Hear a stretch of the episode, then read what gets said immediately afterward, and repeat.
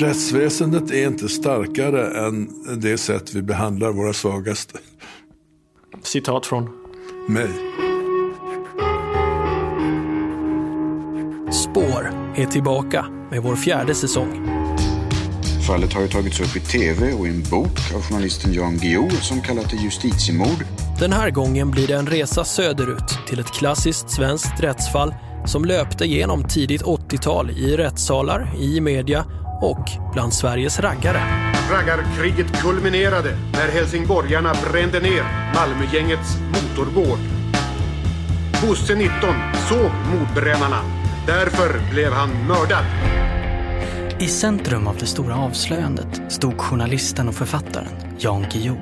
Det var mycket som stod på spel, inte bara för Kate Cederholm utan också för mig. Guillou gick åt totalt motsatt håll än sina journalistkollegor när han ifrågasatte en mordbrandsdom mot sju raggare från Helsingborg. Det var alltså en, en distinkt fientlighet i de övriga medierna som vi hade att hantera där på Rekordmagasinet. Resultatet av den granskning Jan Guillou gjort beskrev han så här i SVT. Det kan vara fullt möjligt med ett justitiemord också i vårt eget land. Mer finns inte att säga egentligen innan vi börjar, utom möjligen en sak. Det här är ett av mitt livs viktigaste reportage. Plötsligt blev den skånske raggaren Kate Cederholm känd över hela Sverige. Guillou kallade rättegångarna för justitiemord och en unik resningsprocess inleddes. Cederholm försätts på fri fot redan idag och hans fall tas sen upp på nytt i hovrätten. Den här resningen hade aldrig kommit till stånd om inte Guillou hade kört den här programserien. Efteråt, när Kate Cederholm vunnit och friats, fick Guillou motta Stora journalistpriset för sin bragd. Det här är min finaste stund som journalist. Men Kate var inte ensam om att dömas. Kvar i fängelset följer sex raggarvänner Kates öde med stor spänning. Jan Guillou tänker nu fortsätta för att försöka få till stånd nya rättegångar, också för andra dömda i de tidigare rättegångarna. Men så det gick inte. Nej, och det är här det blir riktigt intressant. Varför frias bara Kate Cederholm och inte de andra sex?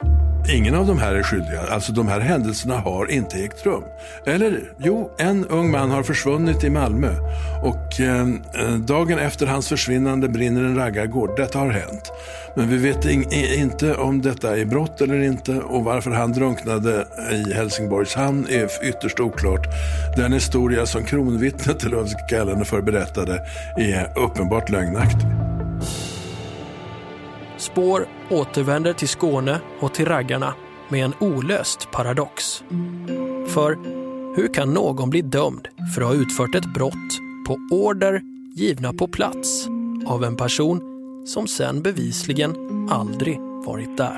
Eftersom Kate inte var med, då, vem, var det, vem var det då som kastade stenen i huvudet på den andra? Det var det ingen som frågade efter. Hur uppenbart fånigt det än ser ut med att ha dem dömda för att ha tagit order från någon ledare som inte var där så eh, händer inget mer och jag kan tänka mig att om eh, medierna hade backat upp den här historien så hade det sett annorlunda ut. Och fortfarande, än idag, över 30 år efter branden, väcker fallet starka känslor. Ja, det, det var fruktansvärt. Det har gått så fel till alltihopa tycker jag. Men man blir fruktansvärt paff när Rickard ringer mig och sa att det är en advokat och en journalist som är intresserad av det här. Det kan inte vara sant. Det var som man såg stjärnor igen. Alltså. Ska verkligen sanningen komma fram? Spår. Raggarmordet. Premiär 18 oktober. Spår görs i samarbete med Acast. Diskutera med oss, Anton Berg och Martin Jonsson på hashtag raggarmordet.